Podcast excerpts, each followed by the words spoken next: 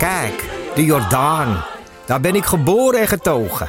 De nieuwe Nederlandse musical Onze Jordaan van Diederik Ebbingen is dit najaar in de theaters te zien. Koop nu uw kaarten op onzejordaan.nl. Leuk toch?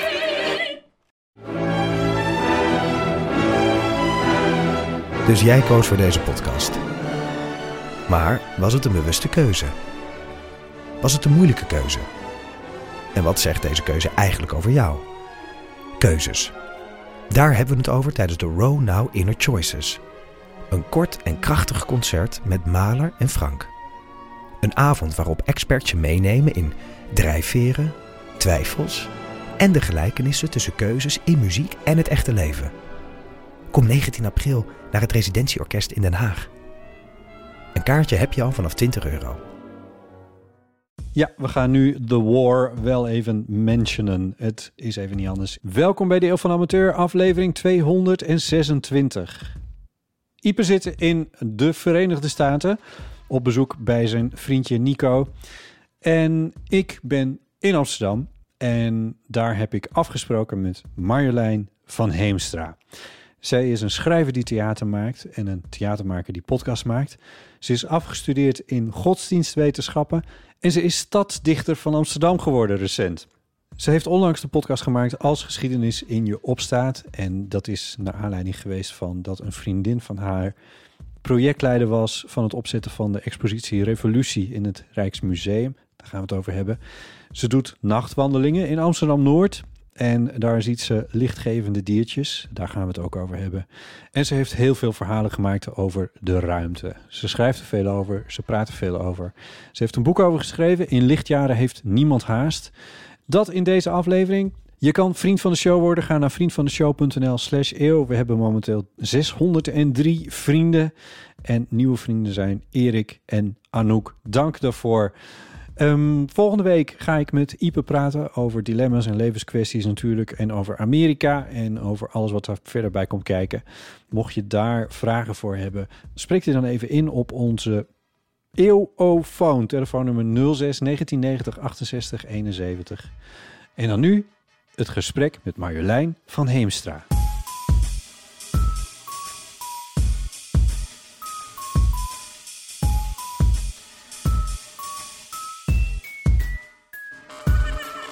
Hoi Marjolein. Hoi. Wat leuk dat je er bent. Ja, zeker. We hebben in 2016 samengewerkt uh, toen je bezig was met uh, Remy Jacobs. Ja. En uh, Als ik de liefde niet heb.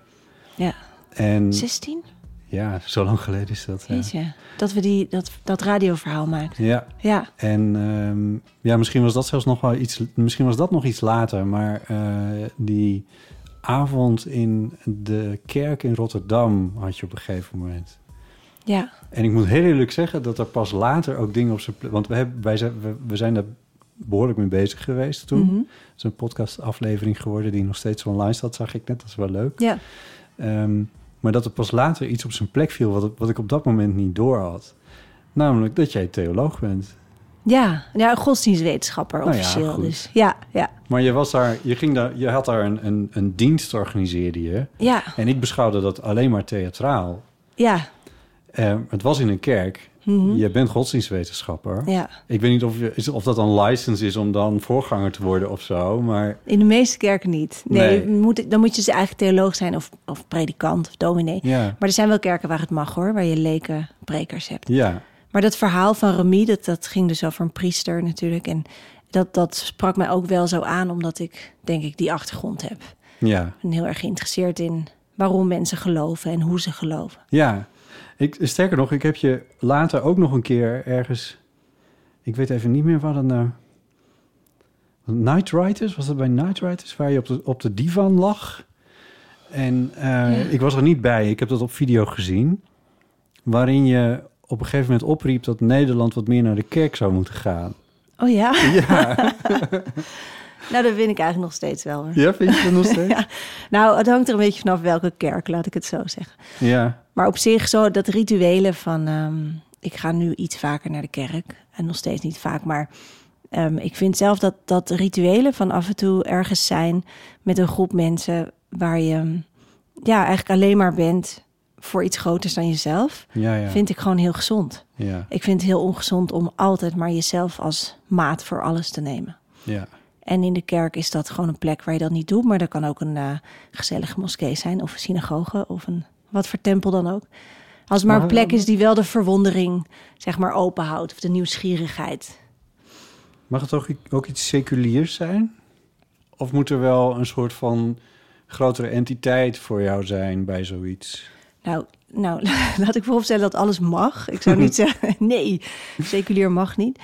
Eh, tuurlijk, dat kan ook. Eh, het kan ook om een idee gaan of, eh, of een verlangen. ehm, wat je misschien niet eens hebt ingevuld. Maar ik vind zelf een kerk prettig, juist omdat er iets, omdat het ook gaat over iets wat je misschien niet begrijpt. En dat is ook de reden dat ik godsdienstwetenschappen ging studeren. Dat ik geïnteresseerd ben in dingen die ik niet begrijp. Ja, En daarom ben ik ook zoveel met de ruimte bezig, bijvoorbeeld. ja. Je hebt nu Dus- ook weer een boek voor je liggen. Ja. Imagining Outer Space heet het. Nou, ik zat toevallig net een on- onmogelijk stuk te lezen over eh Telhard de Jardin. Dat is een hele interessante uh, jezuïet en uh, natuurkundige. Die probeerde dus zijn geloof en de wetenschap uh, te verenigen. Oh, wow. En die ontzettend geloofde dat onze toekomst uh, uh, op andere planeten lag. Oh, oké. Daar was ik me nu doorheen aan het worstelen. Maar het is heel slecht geschreven, dit stuk. Oh. Dus, dus dit is moet, niet een eh, aanrader. nou, dit is zo'n heel, um, jammer genoeg, zo'n heel wetenschappelijk uh, boek. En dat, dat hebben ze dan gewoon niet lekker opgeschreven. oh ja. Moet ik nog even goed Ja. vertalen. Staan er nou ufo'tjes op de voorkant? Er staan ufo's op de voorkant, maar het gaat dus eigenlijk... het is meer een soort sociologische, psychologische kijk op ruimtevaart. Ja.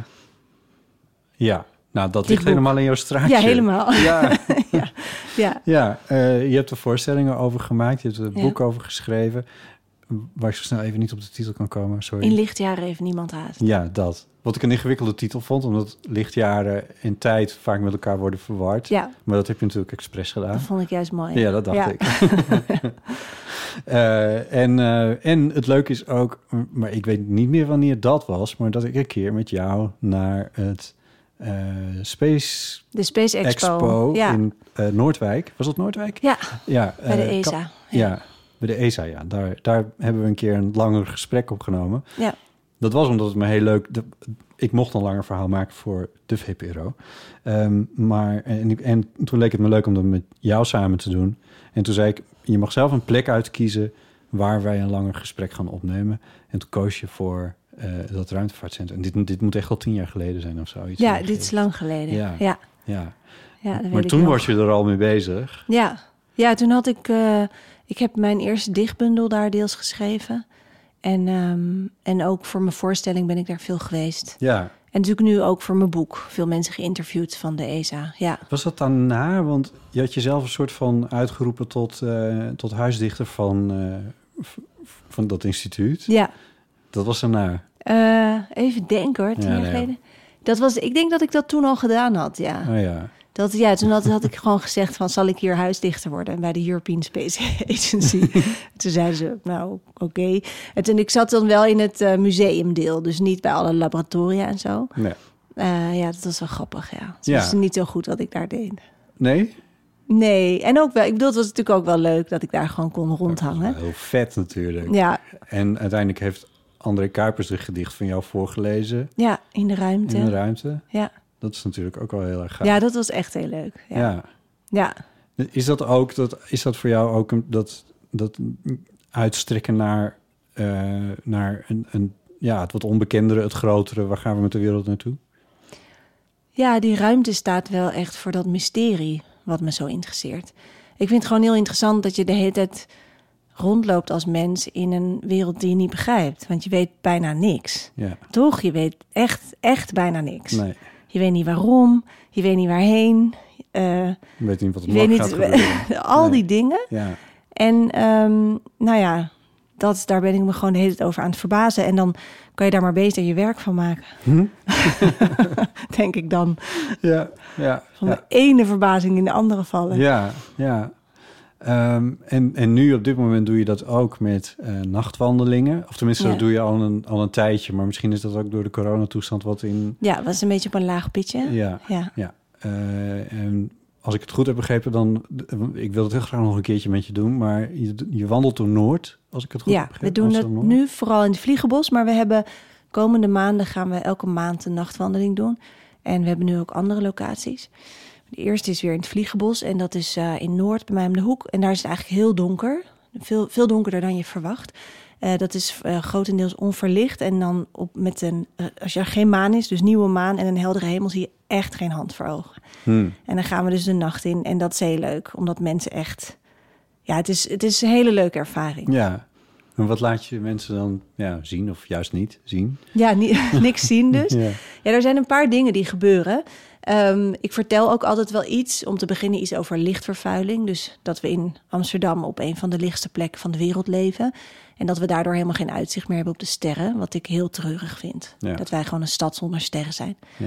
En, ehm, en Dus, wat eh, dat... Wat, ik vond het ook, vind het ook, toen ik daarover nadacht, vond ik het ook zo'n mooie eh, contradictie. In de zin van, ver- verlichting laat ons meer zien, maar het laat ons, laat ons eigenlijk minder zien. ja, ja, dat het licht het licht weghaalt. Ja. Ja. Dat is ook heel idioot eigenlijk. Ja, En het is, ik vind het zelf zo gek als je bedenkt dat de mensheid gewoon sinds het, nou dat weten we niet helemaal het begin, maar we weten wel dat mensen al heel lang omhoog kijken. En dat er de bron van onze verbeelding, van onze verhalen, van onze wetenschap, dat is allemaal van kijken naar de sterren, onze Ja. navigatie. ja. Ehm, de sterrenbeelden zijn de oudste verhalen van de mensheid ongeveer. De, de piramides zijn in bepaalde Ja, sterren. Er zijn allerlei dingen opgebouwd en, en, ehm, en, dat we, en reizen meegemaakt. En dat we nu gewoon in een paar decennia zijn we dat helemaal kwijtgeraakt. Ja, En niemand denkt, huh? nee. Waar zijn die sterren heen? Ik maakte, ik maakte vorige... Dit heeft niet per se met sterren te maken, maar toen, dat was ook zo'n realisatie. Ik maakte een verhaaltje met iemand die was zijn hele leven eh, loods geweest op, ehm, in de havens van Rotterdam. Oh ja. En onder andere op de Nieuwe Waterweg. En hij vertelde me hierover eh, dat eh, eh, over het loodswezen. En hij zei van, nou ja, dat, de geschiedenis van de Nieuwe Waterweg, daar zitten echt nog wel wat dingetjes aan. Want het is eigenlijk één recht stuk water. Ik zei, hoe spannend is het om daar loods te zijn? Hij zei, nou, er zitten nog wel wat speciale dingetjes. Want hij zei, er is ooit in de jaren 50 is daar een schip gezonken. En dat konden ze niet meer bergen. Dus daar hebben ze een groot gat omheen gezogen. En daar is het ingevallen. Dus het ligt er nog. En hij zei, in de tijd dat wij, in dat ik begon, had je nog wel eens schepen met magnetische kompassen. En eh, hij zei, dan moest je weten dat je op een gegeven moment over dat ding heen voer, waar je was. Eh, want dan ging dat kompas alle kanten opdraaien, doordat het magnetisch veld verstoord was daar op die plek. Hmm. En, toen, en hij zei, nou, nu, nu hebben we dat niet meer, nu gaat alles digitaal. En toen dacht ik, voel je je daar nou echt veiliger bij, dat alles digitaal is? Ja.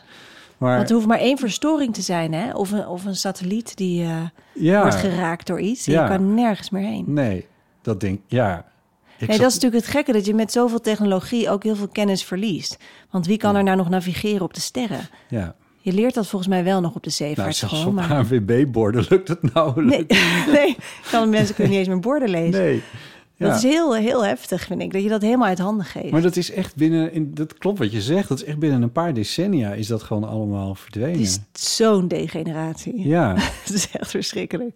ik denk, ik denk dat ik nog wel de grote beer zou kunnen aanwijzen.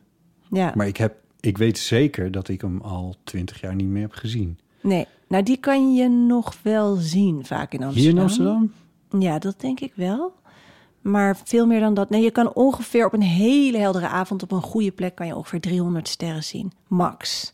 Van de Dat is 3000 die je er zou zien. Ja. Zonder lichtvervuiling. Uh, dat is wel echt een fractie. Inderdaad. Het is echt een fractie. Ja. Ja. En dat is dus een van de dingen die we vertellen als we zo- zo'n nachtwandeling maken. Om mensen daar even bewust van te maken. En dat het ook veel effect heeft natuurlijk op de dieren en op ons eigen bioritme. Hmm. Maar ook cultureel gezien dat je gewoon geen nacht meer hebt. Betekent ook dat er, het is nooit meer, je bent nooit meer, zeg maar, lost in the dark. Ook niet geestelijk gezien of zo. Of ja, ik bedoel, je kan nog wel heel erg Ja. lost zijn in the dark. Maar Ja. Het is, vroeger was die nacht natuurlijk een, een tijd dat je gewoon echt even zo op jezelf werd teruggeworpen. Van oké, nu, nu is het aan jou. Ja. Weet je wel? Er is de geen licht, er wereld geen is... nee, de, de mensen zijn gaan slapen, Ja. die, dat, die categorie. Ja. Ja, en dat is natuurlijk ook niet meer zo. En ik denk, daarom was ook de nacht zo'n tijd van de spookverhalen. En dat mensen Ja. konden wolven worden en transformaties. En Maar dit heb ik nog wel meegemaakt. Dit, klinkt misschien als een enorm... Nee, maar als, nee, nu klinkt misschien als een enorm oude man. Maar eh, eh, ik ben opgegroeid in Friesland. Ja. En we woon, woonden op een boerderij in een polder. Mhm. Een oude polder, maar toch.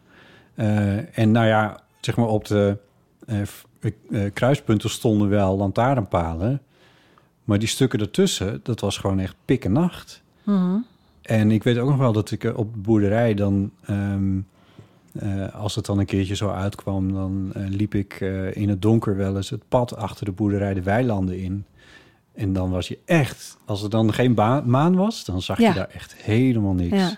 Ja. Eh, en dan zag je heel veel sterren, ja. Ja, Eh, en dat, ja, dat heb je hier in de stad, in een wijde omgeving, heb je dat nee. eh, niet meer. Volgens mij is het nu zo dat de wereld eh, sinds de afgelopen 25 jaar of zo 200% lichter is geworden. Zo. Wow. Ik schud het even uit mijn mouw, dus waarschijnlijk zit ik er ongeveer naast, maar het is wel zoiets. het is heel, heel heftig. Ja, En wij zitten nu aan een soort verzadiging qua lichtvervuiling, maar in andere landen waar het nog donker was, gaat dat nu natuurlijk ook ja. heel snel. zijn hele Ja. delen van de wereld waar ontwikkelingen natuurlijk heel snel gaan. Ja, ja. Maar goed, we gaan dus de nacht in. En het mooie is dat je dan zo al je zintuigen eigenlijk veranderen. Dus je gaat veel beter ruiken. En je wordt heel waakzaam. Dus alles gaat aan, omdat je gewoon niks ziet. Je gaat heel langzaam bewegen. Want ja, je ziet niks. Nee, Mensen lopen ook verkeerde kant op. En, eh, en je gaat ook anders communiceren met elkaar. ja. Ja, omdat je natuurlijk gewoon niet ziet wie je voor je hebt, ga je echt anders praten. Dan ben je veel tastender en Ja, een soort van, je weet niet eens van, is dit een man, is dit een vrouw? Dus dat vind ik ook interessant, dat je een soort ander gesprek krijgt. En ik doe het steeds in best kleine groepen, dus max 20. En dan merk je ook dat mensen, de regel is dan, je bent verantwoordelijk voor degene achter je. En dat vind ik ook wel een goede levensfilosofie.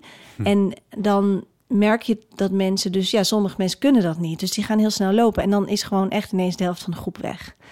Dus ik moet daar nog een beetje een oplossing voor verzinnen. Ja, want het is Want ook wel er- een beetje eng. Het is ook wel, ja, en er zijn ook wel mensen zo de berm in gerold en zo. En dus ik moet Oh, dat nog, het is nog een beetje ruig. Het is een beetje ruik, ik ja. heb ook geen EHBO-diploma.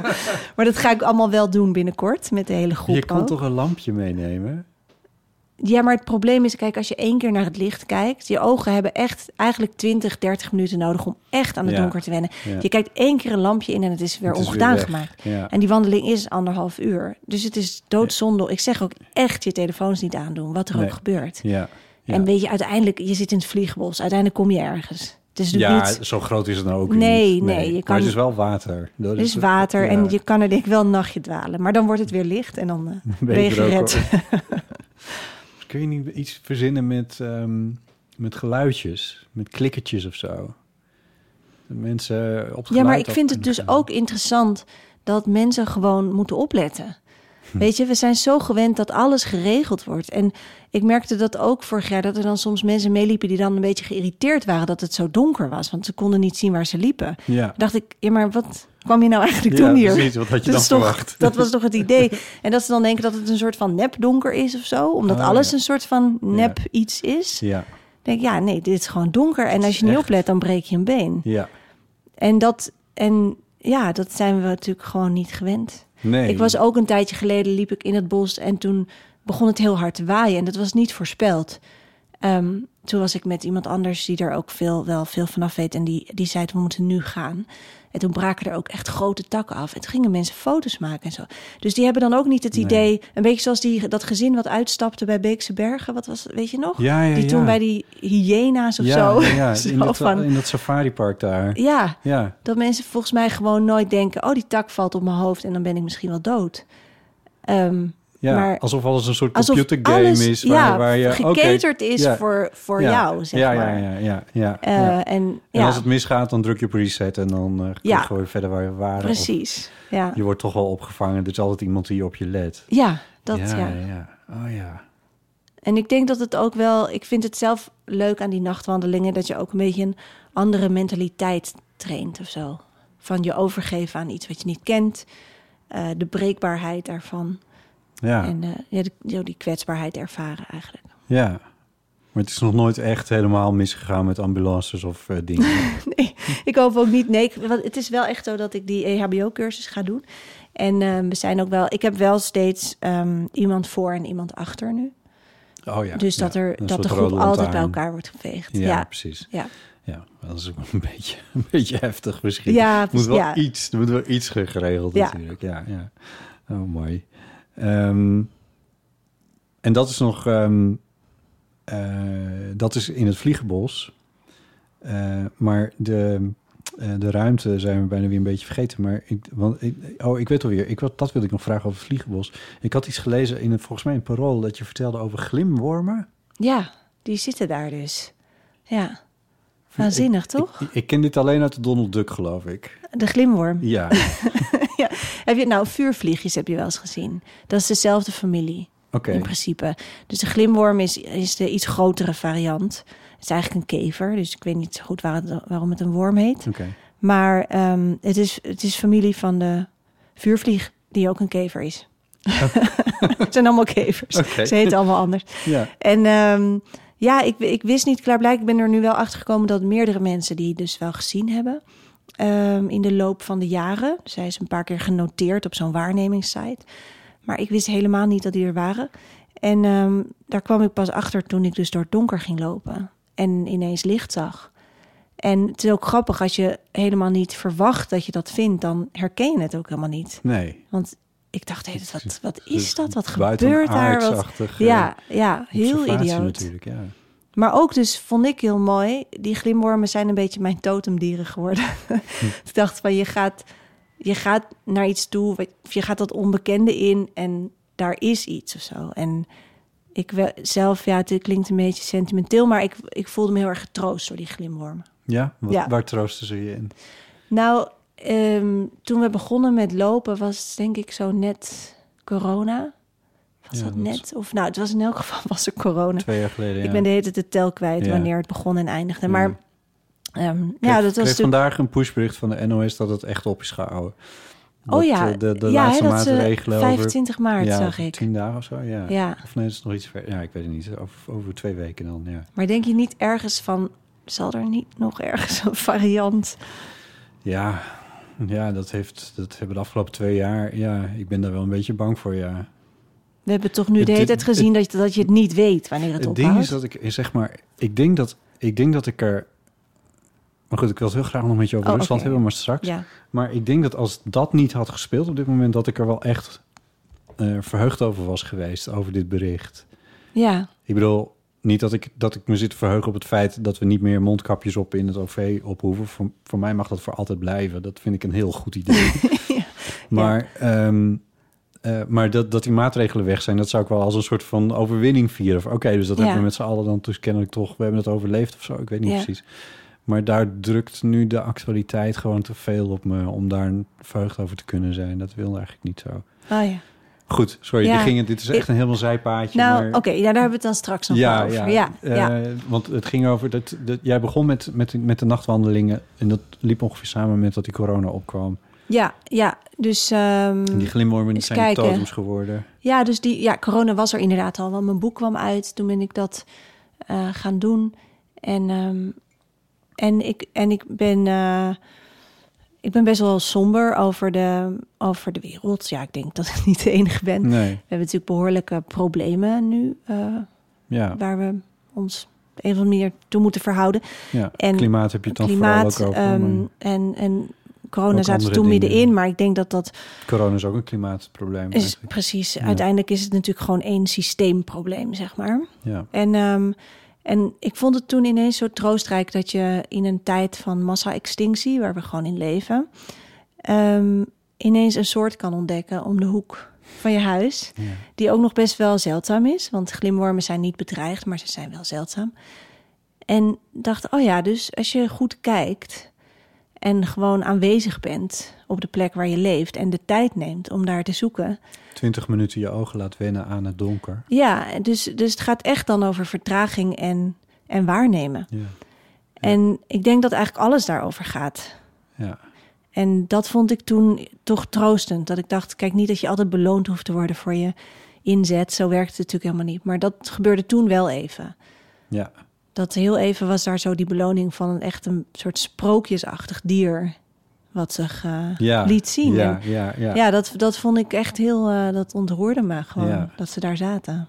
Ik ben zo nieuwsgierig hoe dat er dan uitziet. Ik heb echt geen idee.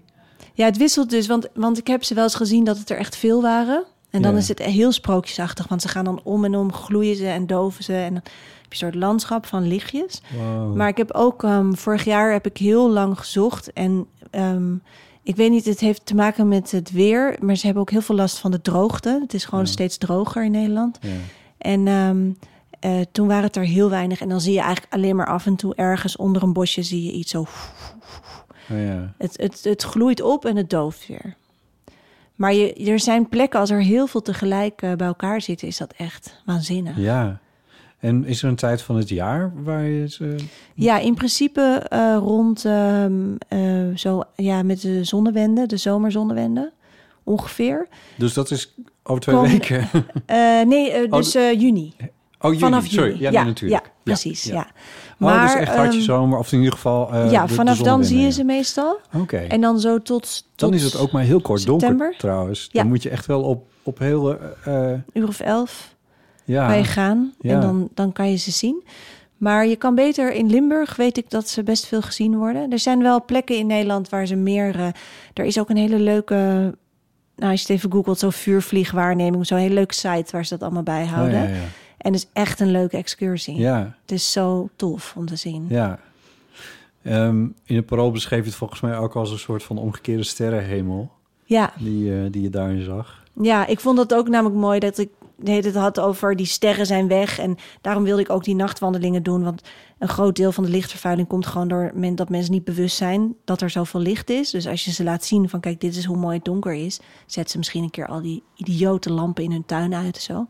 En, ehm, en dacht ik, dan gaat het allemaal daarover, dat verlies van die licht, lichtjes in het donker. En dan plotseling heb je lichtjes in het donker, maar dan op de grond. Ja, Dus het was natuurlijk een soort spiegelbeeld van Ja. wat ik eigenlijk zocht. ja, ja. Wat je daar ook nog bij... eh, de wens die je erbij uitsprak was... eh, of het zou lukken om een keer heel Amsterdam donker te krijgen. Ja, Dat ja. is je grote droom. dat is wel mijn droom, ja. Ja. Maar er zitten natuurlijk heel veel haken en ogen aan. Kijk, heel Amsterdam. Ja, er praktische zijn. bezwaren. En bla, bla, bla. ja, precies. Ja, en je moet ook, je moet ook nadenken over veiligheid. En, en er zijn plekken die je gewoon echt niet moet verduisteren. ehm, omdat het heel onveilig is. Ja. Ja, dat is denk ik Eh. een van de belangrijkste redenen dat we dingen zo licht maken. maar dat is wel interessant, want dat is ons gevoel van veiligheid. En dat is iets anders dan werkelijke veiligheid. Mhm. Dat weten we inmiddels natuurlijk wel. Dat we zijn heel vaak bang voor dingen waar we niet per se bang voor hoeven zijn.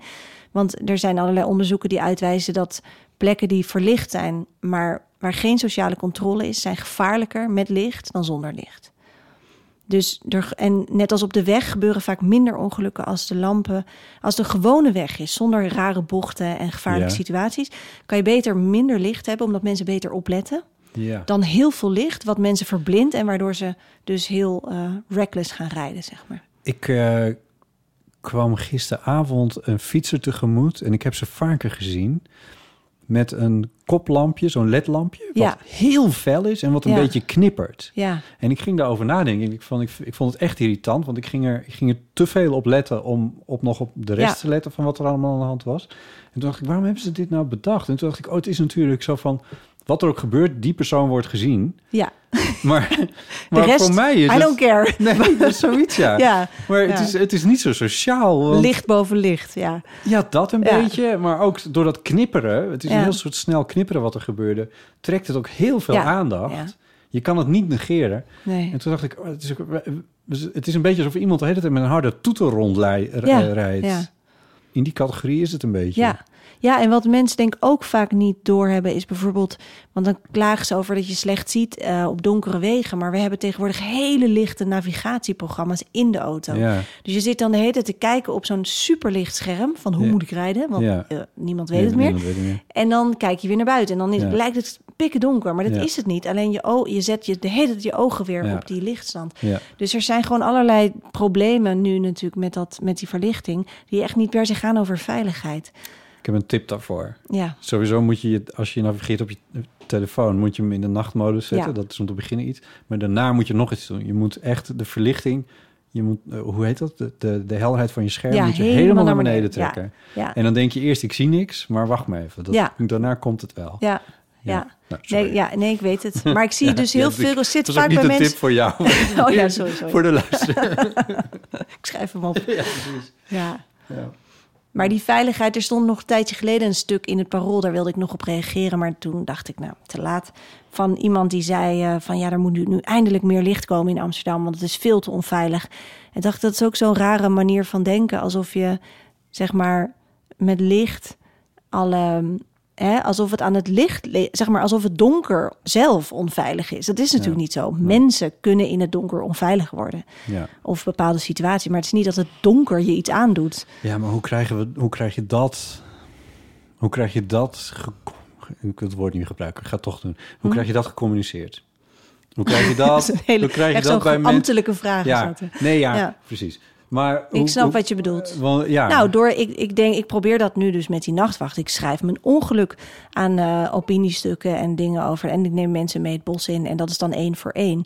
Maar ehm, ik merk wel dat, er, dat dit project heel veel losmaakt. Dus dat er heel veel. Ik weet niet, het- soms hangt iets in de lucht. Hè. Er zijn heel veel projecten nu over licht en donker, Mhm. over duisternis. Dus het- ik heb wel het idee.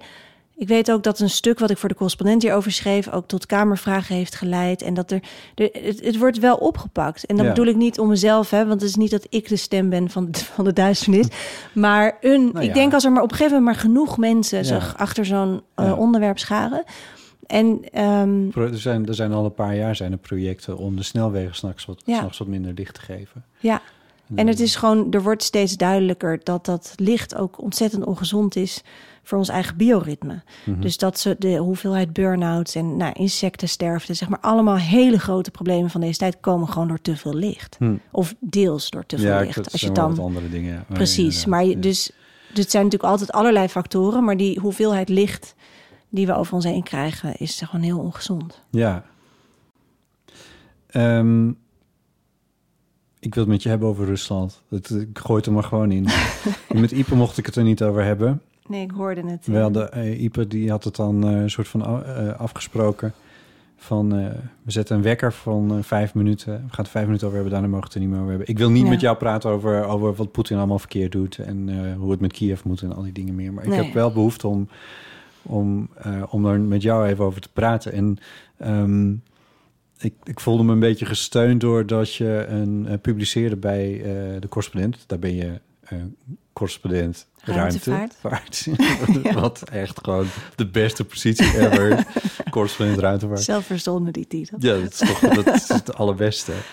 Je verzint veel dingen voor jezelf Ja, zelf. ja. Dat is, dat is, dat, Ja, dan denk ik, het bestaat niet. Nou, laat ik maar... dan doe eh, ik het. Ja, dat is gewoon heel goed. Ehm, maar je schreef een stuk over het eh, internationaal eh, Space Station. Station, Ja. dat is het, ja. Dus ISS, wat we af en toe knipperend over zien komen. Ja. Over lichtjes aan de ruimte gesproken. Ehm, en dat is een gezamenlijk project van, nou sowieso van de VS en Rusland samen. Ja, Ehm, Europa zit erbij, in Japan uit mijn hoofd. Japan en En- Canada. En Canada, Ja. vijf.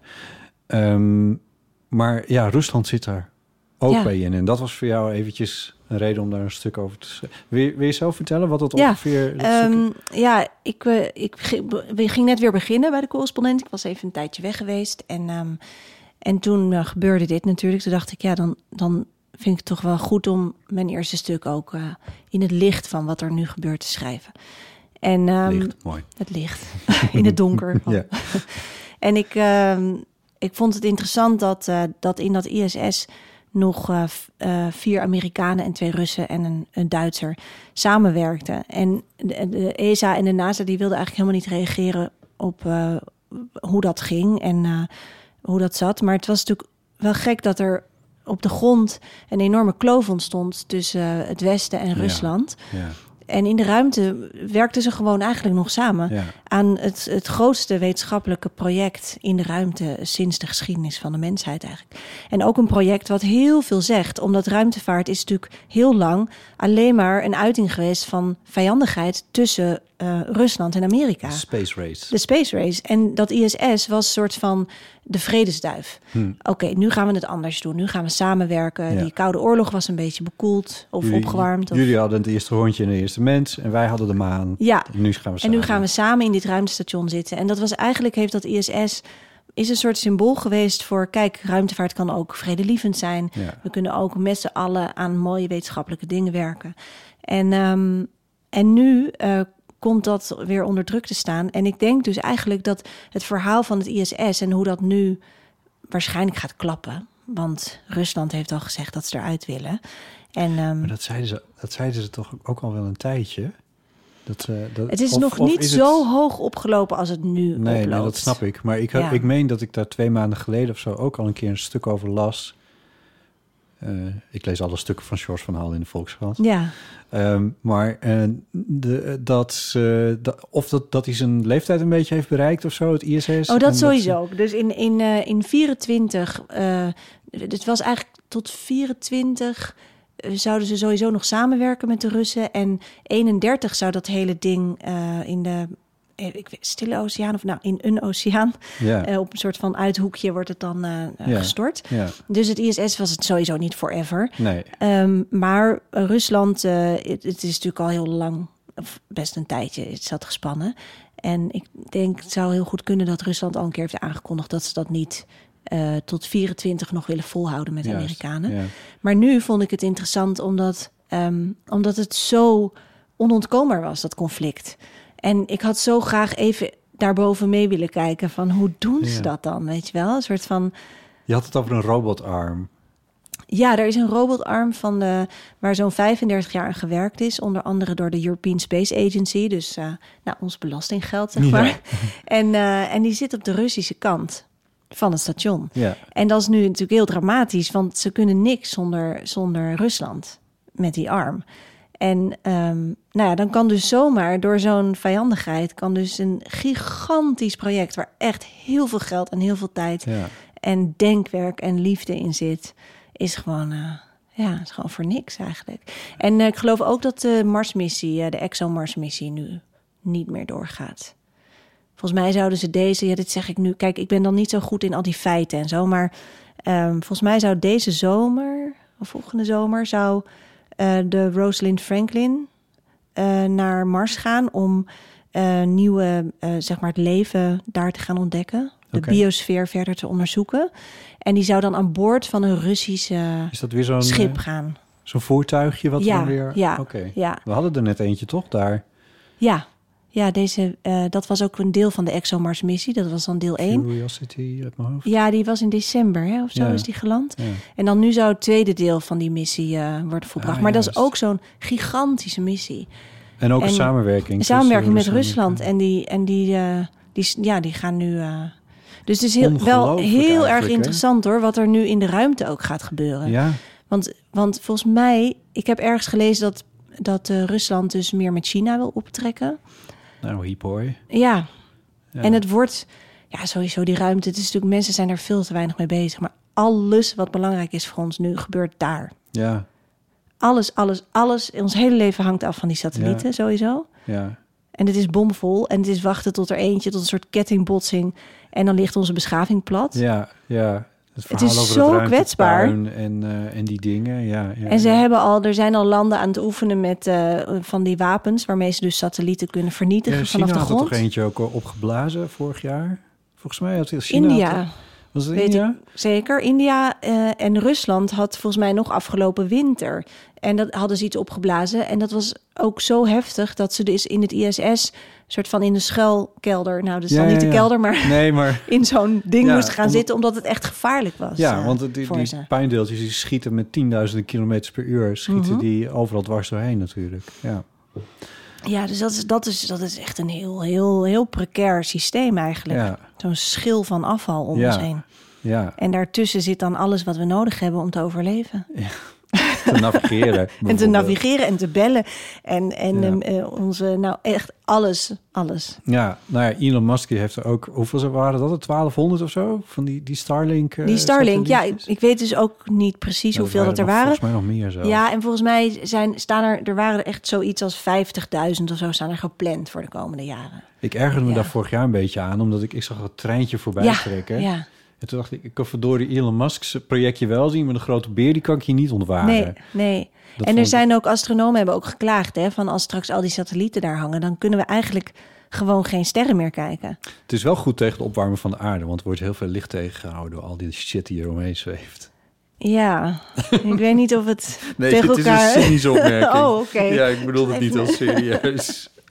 Zo. Nee, ik. Geoengineering. Ja, ja, Ja. ja. inderdaad. Nou, daar zijn dan ook nog... Daar was ook nog een idee over... Daar, heeft, daar schreef George van Hal over volgens mij. Dat ze dan... Ja. Een ideetje was om een soort heel groot zonnescherm... Ergens op te hangen. Om te kijken of ze dan een bepaald percentage zonnelicht zouden kunnen tegenhouden. Heb je toevallig Ministry for the Future gelezen? Nee, heb ik niet, niet Oh, dat- recent gelezen, moet ik dan van niet zeggen. Oh, oké. Niet recent. niet recent gelezen. Oh, nee. Oké, nou herlees het nog eens. Eh, dat is nou, vond ik, ja, het is veel te lang en zo. Je denkt echt van, ah, had even een redacteur eh, doorheen moeten gaan. Oh ja. Maar er staan zo, hij heeft eigenlijk alle interessante Min- Ministry ideeën. of- The Ministry for the Future. Ministry for the Future. Ja, van Kim Ministerie Stanley. voor de toekomst, Ja, ja. Kim Stanley Robinson is een sci-fi schrijver ook van de eh, die Mars trilogie, waar Elon Musk weer helemaal fan van is. Ja. En, ehm, en hij, hij is ook een onwijze klimaatactivist. en hij schrijft dus over dat geoengineering. Maar hij, eigenlijk heeft hij in één boek heeft hij alle ideeën voor de toekomst verzameld. En daar heeft hij een soort fictieve ooggetuigenverslagen van mensen die dan de komende 30 of 40 jaar meemaken. Dus alle rampen die ons te wachten staan, schrijft hij dan als soort ooggetuigenverslagen. En daar zit ook dit idee in. Maar allerlei projecten waar nu over gesproken dit wordt. idee- dit- van dat zonnescherm. Ja, ja, ja. ja. Oh, oké. Als ik me niet vergis. Moet ik even, maar ja, zoiets zit er. Volgens mij dat zonnescherm. ja. Ik eh, zal het boek eens even Herlezen herlezen. ja. precies. Ja, eh, maar ehm, nou, dat is mooi dat het in een boek staat. Want de kans dat het de komende jaren allemaal nog gaat gebeuren... is nu wel kleiner geworden door die shitzooi die Poetin aan het organiseren is.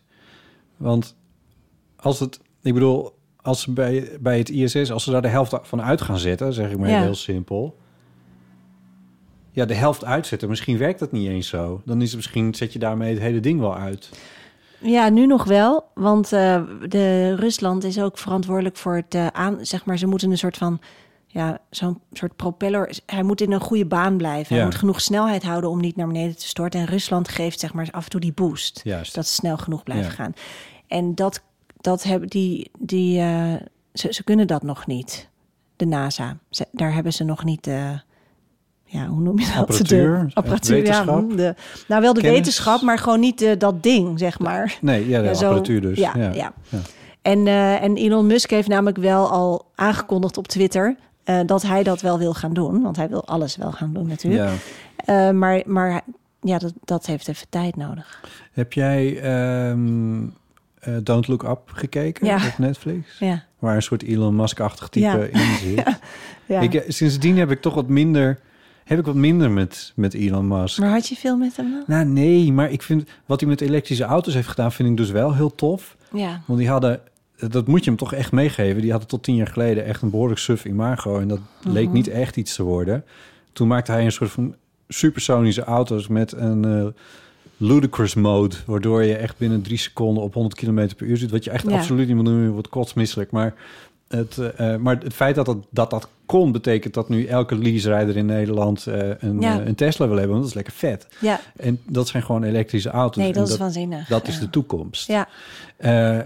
Dus dat, daar had hij voor mij wel wat punten mee verdiend. Ja. Ja. Ehm, maar dat Starlink, dat begrijp ik al niet helemaal. Maar sinds Don't Look Up denk ik ook van... oh ja, oh, moet, moet ik jou Ja, nou zo zien als een soort... Nou, je moet niet vergeten dat die elektrische auto's, dat is bijzaak voor hem. Wat hij wil is naar de ruimte. naar Hij wil gewoon naar Mars. Hij wil dat mensen een interplanetaire soort worden. Ja. Hij is gewoon een soort sci-fi loony. Ja, Dat is wat hij is. En dat is zijn, dat is zijn grootste droom. je vindt hem een loony. Nou, hij is natuurlijk wel in zekere zin wel geniaal. Hè? En, en hij krijgt absoluut heel veel credits voor die elektrische auto's. Ja. Maar dat En iemand. herbruikbare raketten die Ja, ja, weer ja. kunnen landen. Ja, ik vraag me dan wel af van hoe, hoe- hoeveel raketten hebben we nu op dit moment nodig, zeg maar. Is dit waar we in moeten investeren? Nou ja, als we Maar- interplanetair willen leven, dan hebben we raketten nodig. Ja, maar dat, ik vraag me dus af of we dat echt moeten willen op dit moment. Interplanetair leven. Ja, want voor hem is het, eh, hij heeft namelijk eh, De aarde opgegeven.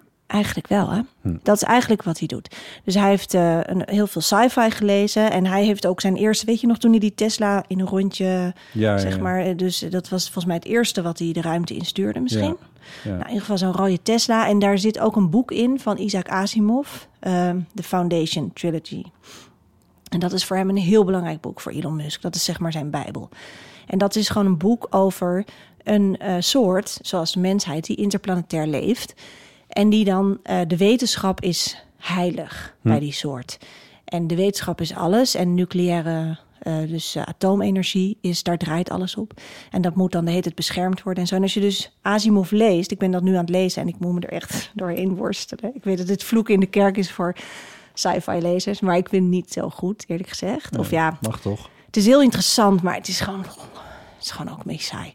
En, eh, en, maar dat is, als je dat leest, dan snap je eigenlijk... En, en je weet dat dat zijn... Dat is eigenlijk zijn eigen foundation, weet Ja, je wel? ja, ja, ja. Dan, dan snap je ineens heel goed wat hij aan het doen is. Juist. En dat is eigenlijk, is het gewoon sci-fi. En je kan je afvragen of we allemaal achter iemand aan moeten lopen... die een science fiction werkelijkheid wil. Mhm. Omdat het heel ver afstaat van, zeg maar, sukkels zoals wij.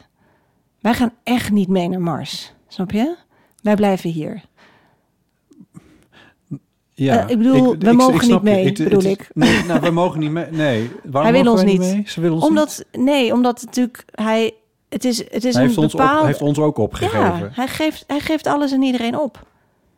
Dat is eigenlijk wat hij zegt met die projecten van Ja. hem. En dan, ik vind het, ik, ik sta er ook dubbel in, want niet, het is, Ja, want ik kan het toch... Want, eh, want jouw, jouw fascinatie met de ruimte... Ja. ligt wel weer helemaal in lijn ja, met het exploreren. En ik bedoel, ja, maar het er is toch zijn logisch. natuurlijk, We zijn naar de maan gegaan, dus we gaan nu naar Mars. ja, maar waarom ga je naar Mars? Ja, waarom Weet je gaan wel, we dat naar de maan? Nou ja, maar je kan, other thing. Ja, maar ik vind, ik vind eh, dat op zich daarheen gaan om te onderzoeken en te kijken wat het is en een soort nieuwsgierigheid volgen. Dat vind ik heel interessant. Maar dat is niet echt wat hij doet. Hij gaat niet op een wetenschappelijke missie, hij gaat koloniseren. Ja, En dat is letterlijk het woord wat hij gebruikt. Dus dat is ook interessant dat we hier op aarde moeten wij allemaal decoloniseren. En Elon Musk gaat gewoon weer koloniseren. Niks aan de hand. Hij wordt nog een held ook. ja, Dat vind ik heel raar. ja. En, en hij, hij gaat omdat hij, hij wil die planeet, hij wil hem ook, eh, eh, hoe heet het, terraformen. ja. Nou ja. mining en eh, dat soort dingen. ja, eh, en dus ook een nieuwe een atmosfeer creëren daar op den duur. Ja, ja. Maar wie is, wie is Elon Musk dat hij Mars krijgt? Hoe hebben wij met z'n allen bepaald dat Elon Musk Mars krijgt? En dan kun je nou, dat ook begon nog. met PayPal. Ja, dat snap ik wel. Maar hij heeft natuurlijk ook ontzettend veel belastingvoordelen gehad. Hij heeft samenwerking gehad met de NASA. De NASA, dat, wordt- die wordt betaald door belastinggeld. Ja. Dus ik bedoel, normale mensen hebben bijgedragen aan zijn roem. Ja. Hij is heel vaak onderuit gegaan. Hij heeft honderdduizend kansen gekregen. Ja. En hij doet alsof hij onze Jezus Christus is. Ja. Zo gedraagt hij zich gewoon. Ja. En hij gaat zijn eigen nieuwe wereld stichten. En hij laat ons allemaal hier in de shit achter. Als je zoveel geld hebt, als je zoveel denkkracht hebt, dan kun je zoveel oplossen hier. En hetzelfde geldt voor Jeff Bezos. Hoeveel Ja. geld heeft die man? Ja, Jeff, nou, eh, een van de rijkste mensen op aarde is... Ik, ik weet niet eens wat, wat voor bedrag daarbij hoort, maar, maar ik snap je punt. Want Jeff Bezos schaar ik, schaar ik wel weer echt helemaal in het foute kamp. Want die draagt echt helemaal niks bij aan... Nee, dat is waar, dat is Die- waar. Maar die is natuurlijk ook, die, die doet nu ook alsof die mensen het overzichtseffect wil geven. En alsof die zegt hij van, ik heb nu vanuit de ruimte de aarde gezien en ik snap dat we één. Dat ge- is toch een trope ook. Ja, ik, Dat totaal. nam ik echt helemaal... Dat, dat, nee, maar dat- weet je hoeveel mensen dat serieus nemen? Ja, En hem, en hem hè, applaudisseren voor die ja, man. ja, ja. En doen alsof hij dat op eigen kracht heeft gedaan. En dat is bij Elon Musk doen mensen dat ook. De zeven vinkjesmannen. Ja, toch wel. Ja. En, en ik zou het gewoon veel eerlijker vinden als het duidelijk werd dat een deel van zijn succes van ons allemaal is. Ja, En dat wij mogen meebepalen over hoe die doom er dan uitziet op Mars. ja. En of we daar wel willen, willen Dus we moeten, dat moet bij NASA blijven en niet bij, eh, hoe heet zijn bedrijf ook weer? Wat, eh, SpaceX. SpaceX, ja. Dus, Ja, dan gaat, dat is natuurlijk echt de vraag van mogen we de ruimte privatiseren? Van wie is de maan? Want over twintig jaar is de maan niet meer van ons allemaal. Dat is echt één ding wat zeker is. En dat vinden mensen nu een heel treurig idee. Zoals ze waarschijnlijk 50 jaar geleden dachten, "Ah, geen sterren. En nu vinden we dat heel normaal. Maar wij zijn nog gewend dat de maan een soort van, dat soort mysterie, mysterieus. Hè? Daar heeft iemand een keer op gestaan, een paar keer. ja. Maar, maar straks is dat gewoon een mijn, mijnbouw. Dus een tankstation op weg naar Mars. Echt? Ja, echt. En, en dat kan gebeuren omdat niemand erover nadenkt buiten de ruimtevaartorganisaties. Omdat het gewoon niet op de agenda staat. Niemand praat erover. Iedereen denkt, ja, dat is techniek. Dat zal wel. Dat is allemaal. eh, Dat hebben we ook nodig. Want we hebben allemaal technologische fixes Mhm. nodig. Hè, voor, voor klimaat en voor de mensheid. Ja, Dus die mensen krijgen alle ruimte. Ze hoeven zich aan geen enkele regel te houden. En ja, we geven gewoon eigenlijk alles weg. Terwijl we hebben afgesproken dat het een Het soort commons zijn. het idee was dat ik me een beetje beter zou gaan Oh, voelen. sorry. door Oké. het jou. Nee, nee goed. anders Nee, over. maar hoe kunnen we dit Ja. dan... Wat kunnen we... Ik bedoel, oké, dus ik koop, ik koop geen Tesla. Als ik een elektrische auto wil, moet het in ieder geval geen Tesla zijn. Eh, Nou, ik weet niet of je daar. Kijk, nou, ik, probeer het simpel te houden. Ja, ja. Van wat kan ik dan doen? Ja, maar ja, simpel houden. Ja, het is gewoon niet zo'n simpele wereld. Ik denk niet dat er simpele oplossingen zijn hiervoor. Maar wat ik wel echt, wat, wat je weet, is dat het kan helpen als heel veel mensen ergens over gaan praten. Ja, maar Dus- dat is toch het... Kijk, ik ben een paar jaar geleden gestopt met het eten van vlees. Ja, Dat is een... Het, eh, geïnspireerd door Ipe, dat, dat credit mag ik hem echt wel geven. Ehm, maar daar sta ik nu echt helemaal achter ook. Ja. Van, ik, vind dat, ik vind dat heel veel mensen dit moeten doen. Of op zijn minst veel minder vlees moeten eten. Mhm. dat, is, dat vind ik wel iets heel simpels om te doen. ja dat is waar. Omdat dat is een keuze of- die je zelf kan maken. Ja, Ja, maar, maar ook omdat het...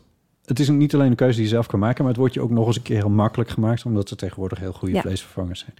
Ehm, dus dat vind ik dan wel iets simpels waarmee ik... ehm, Nou kijk, waar, waar natuurlijk iemand als Elon Musk heel erg gevoelig voor is, is eh, publieke opinie. Hij wordt op handen gedragen in principe. Hij heeft gewoon ontzettend veel fans. Hij hoeft maar één ding te roepen en iedereen staat te applaudisseren. ja. En ehm, ik geloof, en ik ben echt niet de enige die kritisch is op hem. Hè. Er zijn eigenlijk steeds meer stemmen die kritisch zijn Leonardo DiCaprio kennelijk ook. op Elon Musk. Ja, Ja. ik weet eigenlijk niet. Heeft hij zich daar ooit over uitgelaten? Nee, nou, hij speelt in Don't Look Up en dat was een van de, van de producenten van die film. Ja, ja, ja. ja. Ik beschouw dat wel als Elon Musk kritiek. Ja, ja, ja, dat denk ik ook. Nou, en ik denk dat, dat als er dus een ander narratief ontstaat rondom deze man, zonder hem die credits af te nemen hè, voor alle geweldige dingen die hij heeft gedaan. Maar je kan natuurlijk zeggen van, oké, fantastisch, maar we gaan niet achter deze hedonistische, megalomane droom Nee. aan met z'n allen. Ja, ja, ja. Dat kan. En ik denk dat zo'n verhaal kan heel snel gaan. Juist in deze digitale tijd, weet je. Als mensen gewoon iets meer bewust zijn van ja. wat er gebeurt, dan kun je daar toch Schrijf jij kritische stukken over Elon Musk? Ja, heb ik gedaan, ja. Zeker. Dan krijg je Ja. een- hoe wordt daarop gereageerd? Ja, bij de correspondent is Heb ik best wel veel reacties. Ik, nou, ik heb een opiniestuk geschreven toen voor NRC. Daar heb ik echt veel reacties op gekregen. Toen zat ik ook bij op één met iemand in discussie. Nee, dat, trouwens, het ging over Bezos. Die ging toen de ruimte in. Maar toen had ik, noemde ik ook, ik noemde eigenlijk Ja. Branson, Bezos en Musk. Dat zijn de drie... eh, En toen werd ook door heel veel mensen gezegd... ja, die kan je niet over één kam scheren. En Mm. bedoel, dat snap ik wel. Maar Ja. er zijn natuurlijk heel veel dingen die je wel ja. die ze wel overeen he- hebben.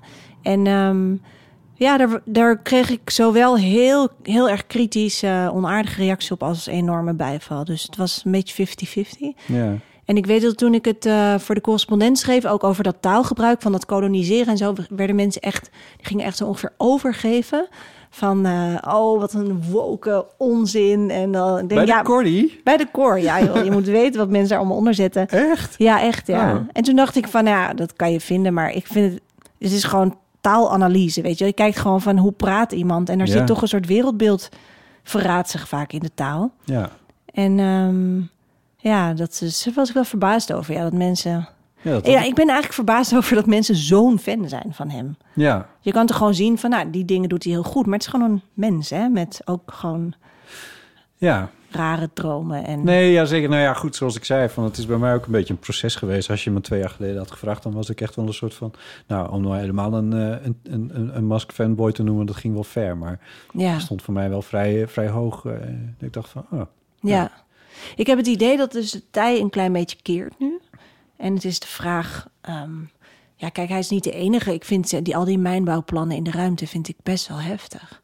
Zeg, Dat gaat echt over, volgens mij had eh, Jeff Bezos het daar ook over, dat ze zei van ja, we moeten alle industrie, Ja, naar de ruimte die moeten we naar de ruimte verplaatsen. Dus alles wat vervuilend is, dat moet in de ruimte. Ja. Toen dacht ik, ja, is wel heel dichtbij hoor. Ja. Ja, dus dan zit je in een soort schil van vervuiling. Ja, je kan ook zeggen van we, stoppen met vervuiling. We kunnen het ook gewoon anders een- doen. Is, Ja. dat, ja, is dat niet een inspanning die we ook zouden kunnen leveren? ja, en die zou hij echt met al het geld dat hij heeft... zou hij daar zoveel aan kunnen bijdragen. Ja, dat begrijp ik dus ook niet. Nee. Nee, omdat ze willen, ze willen iets anders. Ze willen, ze willen die sci-fi droom. Ze Ja. willen dat boek wat ze hebben gelezen. Ja, Dat willen ze. Ze willen een, een- niet de werkelijkheid. Ze willen de fantasie. Ja, en ze laten ons in de steek. Daar komt het eigenlijk op neer. En Ja. dan leven wij nog heel erg bevoorrecht. Dan moeten we dan ook nog eens een keertje Totaal, zeggen. Als je totaal. Ja. op een plek op de wereld leeft waar eh, de Sahara dichtbij ligt... dan ehm kun Ja. je je veel meer zorgen maken over Ja. klimaatverandering. En, eh, de- hoewel wij zitten hier onder de zeespiegel... dat is ook niet per se een heel erg goede plek om te zitten. Nee, maar wel in alle luxe. In alle luxe en, eh, en in de rijkdom. En, ja, ja. Oké, Nou, nu iets vrolijks. ja? Oh nee, oh nee, je wilt het ook nog over... Of hebben we het nu over Rusland gehad? Hmm, Nog niet echt. nou ja, wat moeten we het... Hoe, ja, hoe voel jij je daar dan nu Ja, over? kut. Wat- Ik voel me er gewoon Ja? kut over. Ik drukt echt op mijn gemoed. En op wat voor manier? Wat voel je precies? Nou, ik ben dus iemand die, het- die... Ik heb het hier met Ipe wel over gehad, buiten de microfoon ook. Want eh Ipe die eh, zegt, ik wil... ehm, ik kan echt geen nieuws kijken. Je moet niet met mij over het nieuws beginnen. Ik wil het gewoon... Ik wil het eigenlijk niet weten. Mhm. En dat begrijp ik eigenlijk net niet helemaal. Want voor mij is nieuws kijken ook een coping mechanism. Ja, Eh, namelijk, als ik een beetje weet wat er gebeurt, dan kan ik het in ieder geval op een zekere manier begrijpen. Maar om antwoord te geven op je vraag van waar, waar zit je mee, is dat ik het echt in de kern niet begrijp. Mhm. Ook al wat ik er ook over lees, en ik ben onderhand, moet ik nu, lees ik er dus twee weken al over, kijk ik elke dag nieuwsuur en en de verhalen beginnen een beetje beginnen niet meer binnen te komen, omdat Mhm. ik omdat ik in de kern het niet begrijp. Waarom? Ehm, hoe het kan in de wereld dat iemand de, de, de, de, de optie waarvan ik altijd had gedacht: nee, maar dat hadden we met z'n allen wel afgesproken. Dat doen we niet meer. We gaan geen landjes meer inpikken. We gaan geen, eh, geen, geen burgers meer doodschieten. maar dit eh, is toch niet de gaan- eerste keer dat het gebeurt? Nee, dat klopt. Want dat, ik ben een beetje dus... Ik, ja, ik zei net al tegen jij, ik vind het heel heftig voor, Ja. voor de mensen daar. Ja. En, en heftig op een manier zoals hè, je het nieuws volgt en denk je, jezus. Hé. Maar ik heb niet die, die enorme soort van... Wat ik om me heen zie, de verontwaardiging of de verbazing...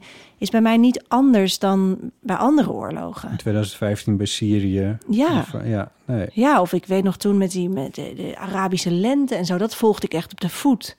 Misschien ook omdat ik daar dan vaak geweest ben en, en Maar Oekraïne ook omdat er niet. zoveel hoop uitsprak. Ja, en hoe dat, maar toen dat misging, daar Ja. was ik echt kapot van. Dat Ja. weet ik nog. Ik dacht, Ja. toen die 800 mensen in Cairo werden neergeschoten, weet je wel. Die, dat soort, dat, dat greep me heel erg aan. En dit, dit grijpt me ook aan. Ik bedoel, de, de beelden zijn verschrikkelijk. En, eh, maar niet, eh, het, is, het lijkt alsof iedereen deze oorlog veel erger vindt dan andere oorlogen. Ja. En dan wordt Ja. er gezegd het is zo dichtbij, maar zeg maar hemelsbreed is het niet heel dichtbij. Nou ja, Barcelona, dan- Kiev, Barcelona is ongeveer hetzelfde. Dat is, veel mensen ervaren dat als dichtbij. Ja, dat is waar.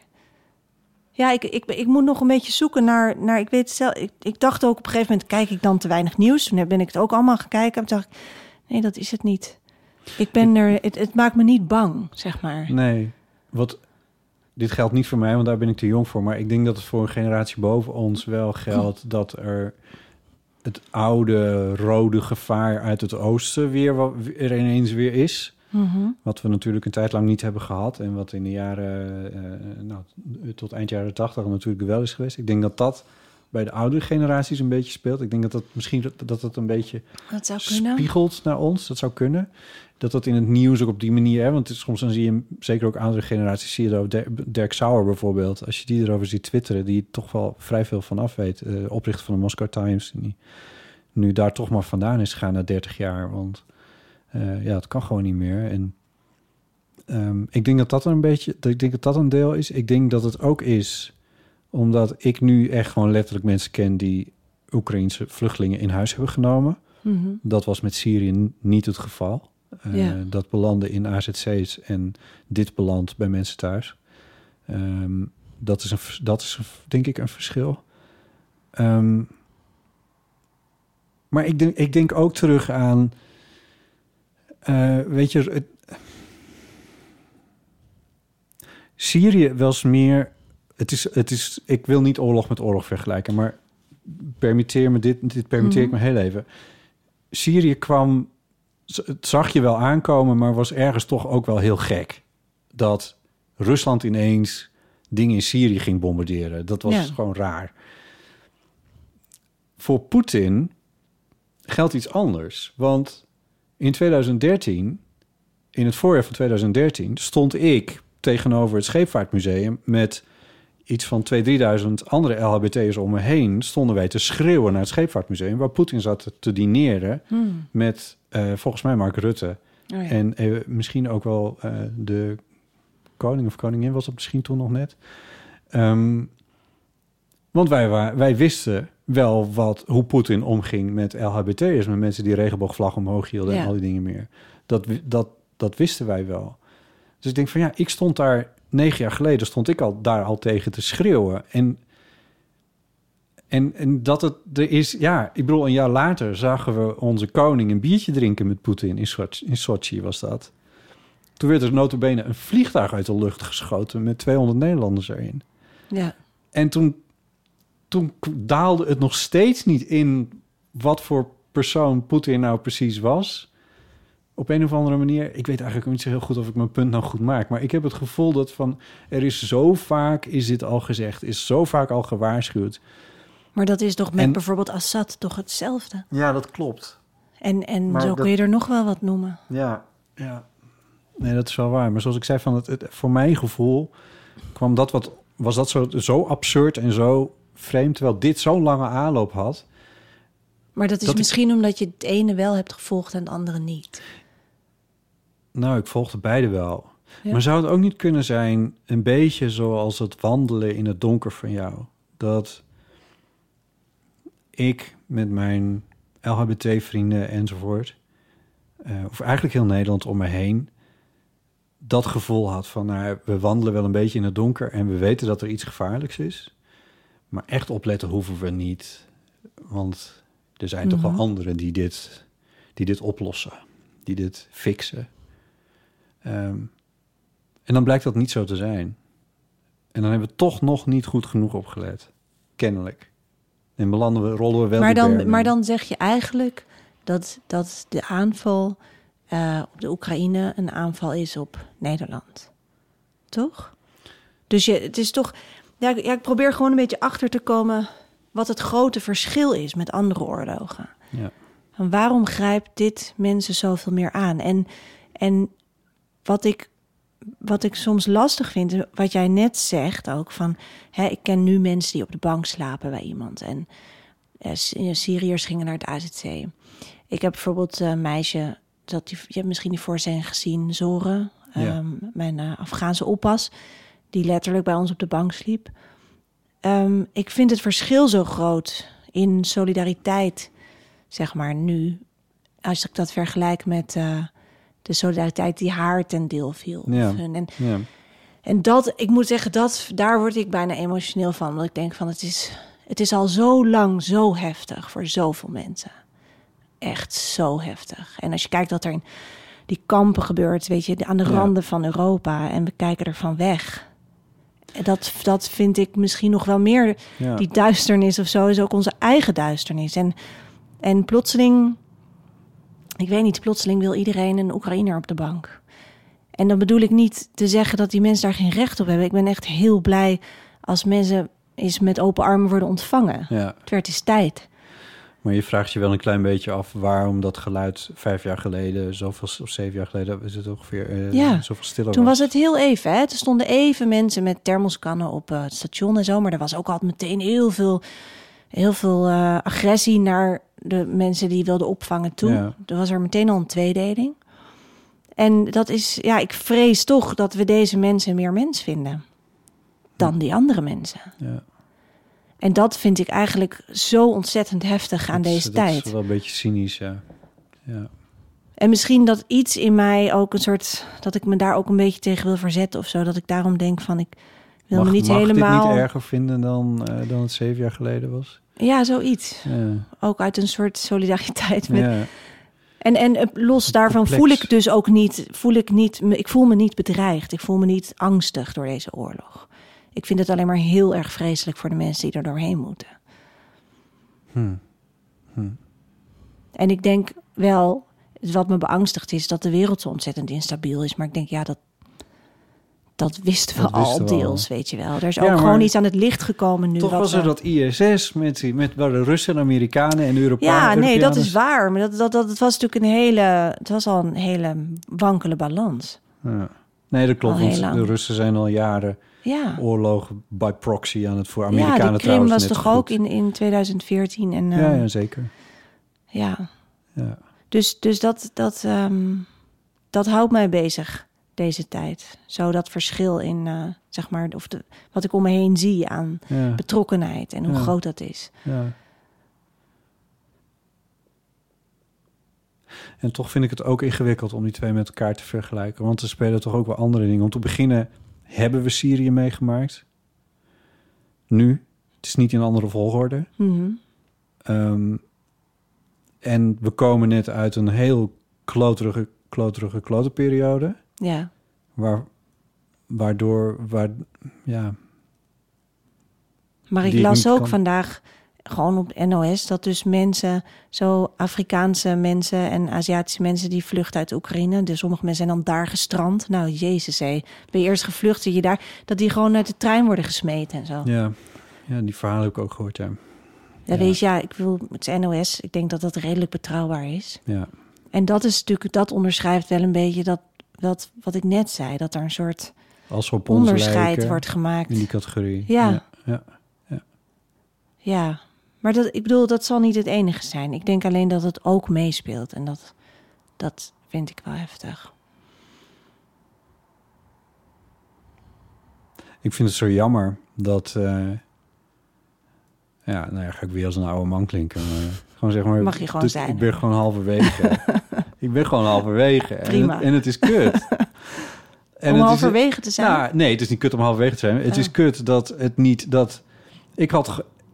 Dat is zo raar. Ik weet niet, misschien komt het ook omdat je dan... Omdat ik... Volgens mij net als jij gewoon groot wordt in de jaren negentig. Ja. Toch een periode van enorm optimisme. De muur was gevallen. eh, klimaatproblemen waren er wel, maar we kenden ze eigenlijk niet. nou, ze Eh, leken ook oplosbaar. oplosbaar.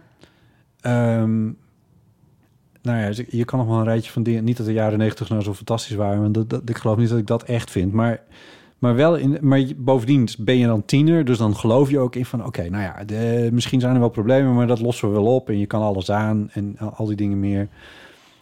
En, en nu is er gewoon weer oorlog in Europa, Ja, om het maar eens dramatisch te stellen.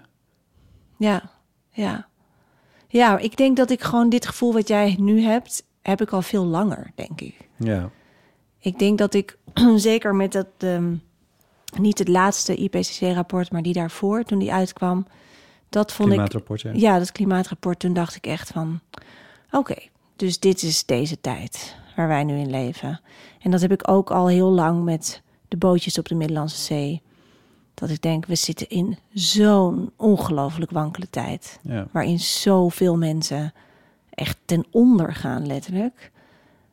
Dat, ehm, ja, dit voelt voor mij niet als een, als een nieuw hoofdstuk. Meer als een volgende bladzijde in de chaos waar we eigenlijk al heel lang in zitten. ja, maar had je dat dan in de jaren negentig ook al? Nee, nee, Nee. dus ik herken me wel hoor. In wat, nou, ik had, vooral als ik terugdenk, denk ik, de jaren nul vond ik zo raar. Toen was echt, dat was, had ik echt het gevoel van, nou ja, er was natuurlijk 9-11, daar ging, daar verschoof er wel van alles en was Ja. ook wel verharding en zo. Ja. Maar tegelijkertijd, zeg maar, de, de, toen studeerde ik en toen, weet je, je kon nog maximaal lenen. En soort van iedereen vloog overal heen voor Ja. uitwisselingen en weet ik veel wat. En dat is dan natuurlijk ook Australië. totaal de scene hè, waar ik in zat. Daar ben ik me heel goed van bewust. Maar, maar ja, dat, dat reizen overal heen. Terwijl als je nu kijkt van, oh ja, waar zou je eigenlijk allemaal niet meer heen gaan? Weet Ja. je wel? Welke Ja. landen Ja. zijn nu eigenlijk al mm, zeker niet meer zo aantrekkelijk als toen? Nee. En ehm, nou ja, dan spreken wij natuurlijk allebei ook wel met ons Nederlandse paspoort en ons eh, voorkomen. Heb je het gewoon heel we hebben het zo makkelijk gehad. Hoewel je als homo kon. ook niet overal zomaar naartoe kan hoor. Dat is ook wel een beetje Nee, dat snap ik. Het is, je, je zou gewoon nog... Mensen zien het niet meteen. Nee, klopt. Dus in, in mijn geval dan niet per Ja, se. In ieder ja. geval, ja. nee, maar ik snap dat dat, dat, dat ook al... Dat Ja. is natuurlijk ook al veel langer zo. Ja. Maar ik had zelf dus wat jij in de jaren negentig misschien... Omdat ik net... Ik weet eigenlijk niet hoe oud ben jij? Of wil je dat niet zeggen? We schelen misschien net een paar jaar. We schelen een paar, ja, er zit, zit wel wat tussen, ja. Ja, Ja, dus dat misschien waren de jaren nul voor mij... wat voor jou de jaren ja negentig... dat, eh, dat zou heel goed... Ja, je studeerde wel echt een, een, een sectie naar mij, zal ik maar zeggen. Ja. En eh, nou, daarmee hebben we niks verklapt. Nee, vertel het je straks wel. En, en, en dat vind ik dus zo'n groot verschil, ja. ja. Ja.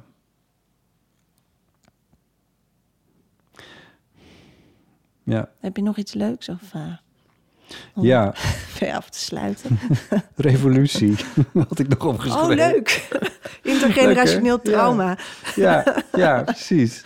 Nou, ik vond het- eigenlijk, luister, eigenlijk wel leuk. Ja, Want je kan Misschien- het opruimen. Precies. Oké, Ja, want hoopvol. hier, hier zit misschien toch de Ja. kanteling in dit gesprek. Of hoe zeg Ja. je dat? Hier komen we er misschien weer een beetje uit. Ja, Want ik heb eh, eh, geluisterd naar jouw podcast. Als geschiedenis in je opstaat heb je gemaakt Mm. Voor de VPRO. ja, Ehm, een vriendin van jou, Iris, Iris van Santen, ja.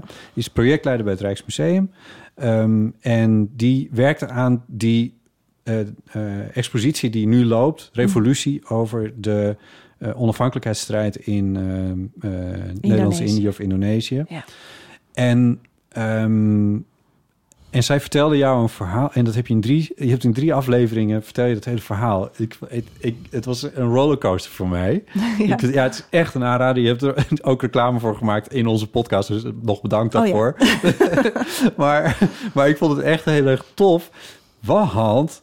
ehm, wat er gebeurde bij haar... Ik ga het even heel snel zeggen. Ja, Ja, doe. vul me vooral aan. Hè, Ja. als ik, als ik, als ik eh, dingen oversla die belangrijk zijn. Maar Iris eh, heeft een vader die oorspronkelijk uit Indonesië komt. Of Nederlands-Indië. ja, hij is geboren op Ambon.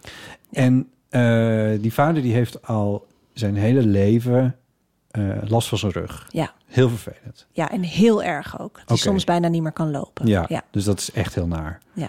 En Iris ging aan de slag met dit verhaal. En in een soort van zijdelings... Want dit wat deze gewoon voor haar werk, dit was zakelijk. Ja, maar zijdelings raakte dit natuurlijk ook aan de geschiedenis...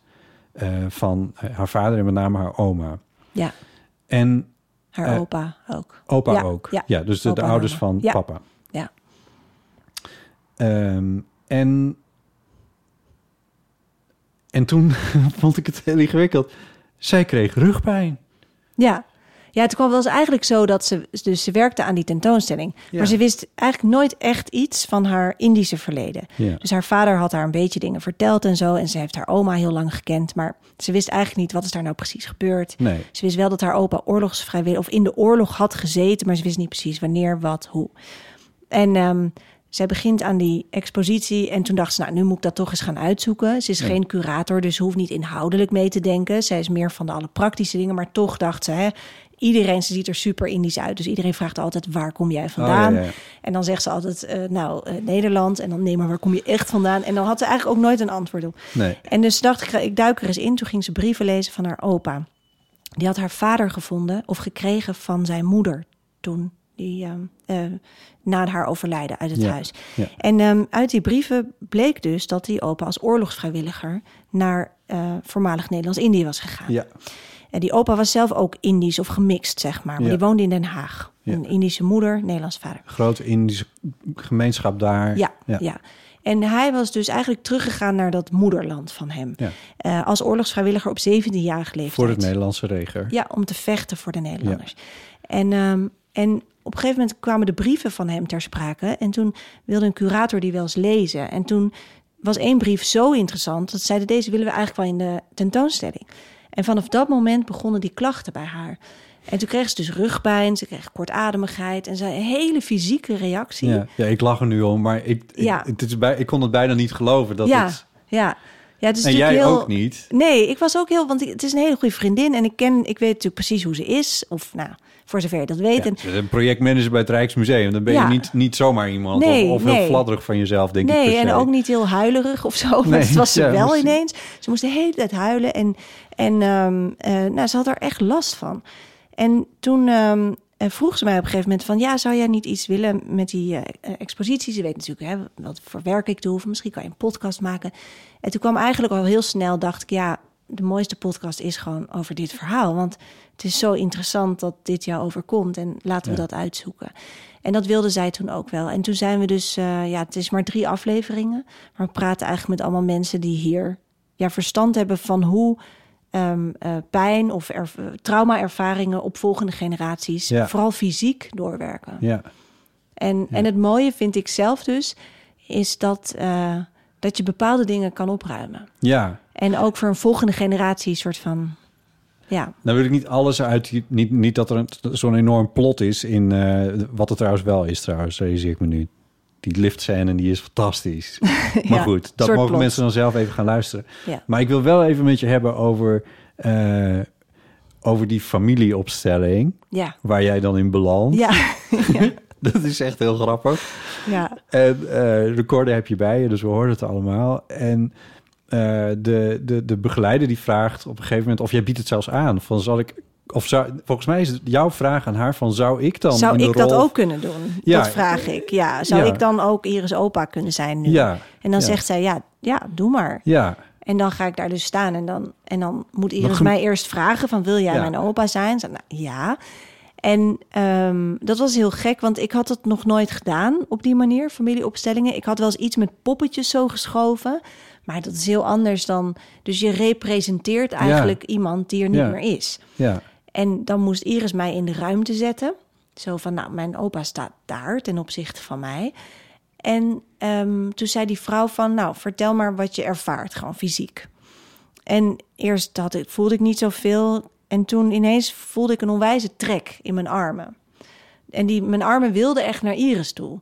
En dat was natuurlijk heel raar, want ik Ja. dacht, ah, zit ik dit nou? Is, je denkt ook de hele tijd, verzin ik dit nou? Of Ja. voel ik dit? Of Ja. ben ik dit? Of, ja. en, ehm, eh, maar ik kon niet ontkennen dat er een soort rare tinteling in mijn armen was. En dat ze zo omhoog gingen. ja. Ik dacht, ja, dit gebeurt gewoon eigenlijk buiten mij om. En dat, ja, dat vond ik een hele gekke ervaring. En we gaan natuurlijk in de podcast, dat moet ik dan maar niet verklappen misschien. Nee. Maar gaan we met een, ook met een psychiater praten die daar weer, vond ik, een hele mooie verklaring voor heeft. Die het eigenlijk, aan de ene kant denk je, oh, hij onttovert het een beetje. En tegelijkertijd vond ik dat hij het misschien nog wel mooier maakte dan, Voor mij was die onttovering eigenlijk wel belangrijk. ja, Niet omdat ik... Sommige dingen mogen wel echt wel magisch blijven, maar... eh, omdat het voor mij wel aan de zweverige kant bleef. ja, Maar, eh, en, en inderdaad zonder alles te verklappen. Maar wat ik er mooi aan vond, waardoor het voor mij in één keer op zijn plek viel... en ik dacht van, oh, maar nu begrijp ik het wel... was dat, eh, dat, dat er eh, gezegd werd... er is in communicatie tussen mensen... veel meer dan wat in woorden gebeurt... en wat we Ja. kunnen beschrijven aan bewegingen... aan non-verbale Ja. communicatie... of wat we kunnen vastleggen op per se video of wat dan ook maar... ja, En toen dacht ik, oh ja, ja, ja, dit begrijp ik wel. ja, En het voorbeeld wat me bij is gebleven is dat er gezegd wordt van ja, als jij een oma hebt die als een, als een onderwerp wordt besproken en je oma deinst twee millimeter naar achteren, dan registreer je dat. ja, ja. Terwijl je dat denkt dat je het niet kan zien. Nee, En dat je als mens, dat vond ik ook mooi, dat wij zo sociaal fijngevoelig zijn. ja, Dat we eigenlijk alles, alles, alles op een onbewust niveau registreren. ja. En daar ook weer onze lichamen op instellen. Ja, En dat is een begin naar een soort, ja, ik weet niet, naar een soort, naar, naar ik denk van, ja, maar dit moet je kennen, Eh, Star Trek. Mhm. Daar, zit, daar speelt uh, notabene Whoopi Goldberg. ja, Die Ja. speelt daar een personage in dat Ja. van alles kan voelen. ja. Is, is zij? Ja, dat is zij, ja. Ja, volgens ja, mij volgens wel. mij uh, is wel of echt of die geleden, vreselijke, die met, met dat, dat, dat, dat, dat valse Oost-Europese accent. Oh ja, dat, die is er ook nog, maar die bedoel ik niet. Whoopi Goldberg is wel volgens Ja. mij degene die echt, echt van alles aanvoelt... van wat er intermenselijk allemaal gebeurt en zo. Dat zou goed En dat is, dan, dat is dan bij haar natuurlijk een soort buitenaardse ding wat ze heeft. En toen dacht ik van... Maar ik heb altijd gedacht van... Wow, dat is echt een super, superkracht. Maar dat blijken we dus allemaal eigenlijk stiekem een klein beetje Ja. te hebben. Ja. ja, en wat ik zo mooi vind is ook eigenlijk dat al die, of al die, maar die twee, ik heb eigenlijk ook wel wat meer mensen gesproken hierover dan in de podcast zitten, maar die dus allemaal zeggen, we, we zijn, we, we hebben ook eh, veel meer dan we denken de sociale kracht om elkaar te genezen.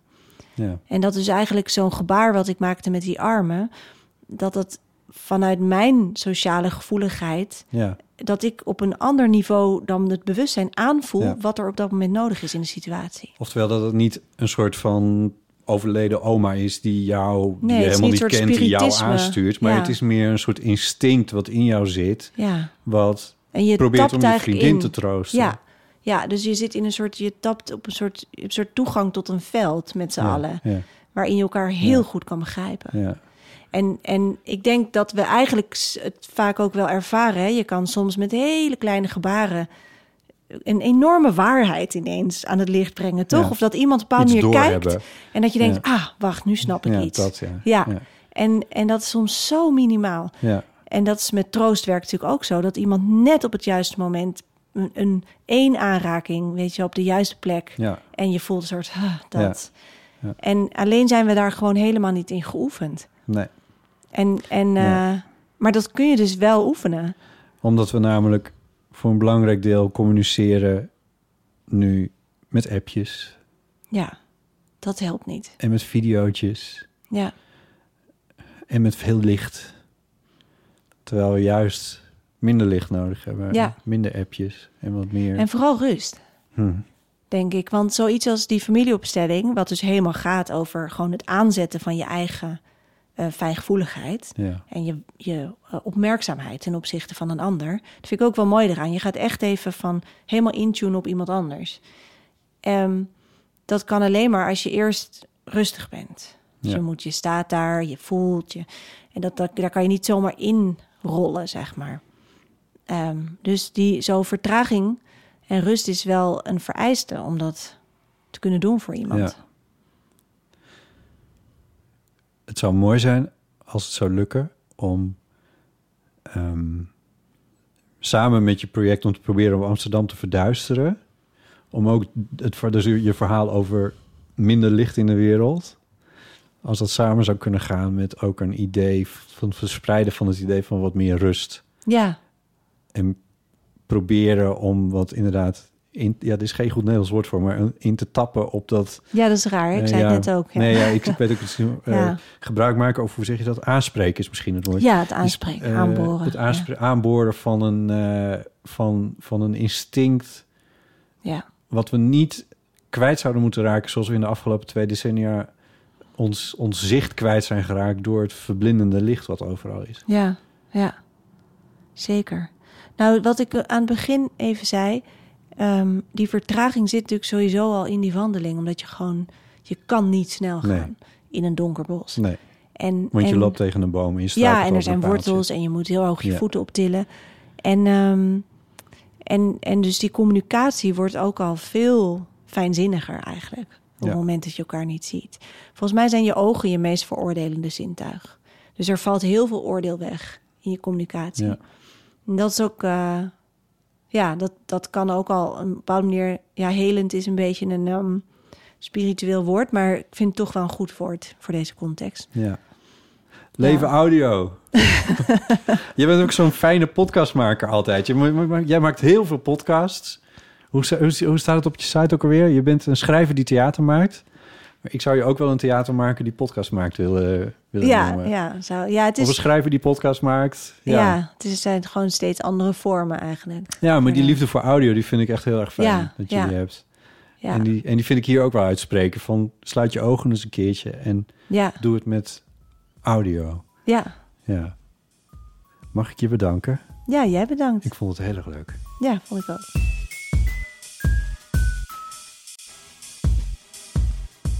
Dat was Marjolein van Heemstra. Bedankt dat je hebt geluisterd naar de Eeuw van de Amateur.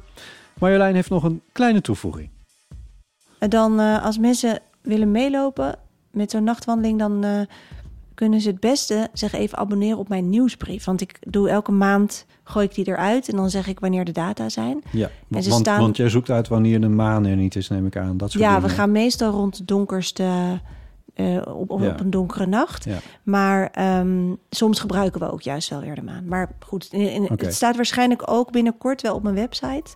marjolein van Heemstra.nl. Heel makkelijk. Met een lange ei. Ja, daar staat eigenlijk alles. Je moet die andere ook even registreren met korte ei. Dan ben je er ook Ja, vanaf. ja precies. Gewoon ja. doorlinken. Gaat altijd mis.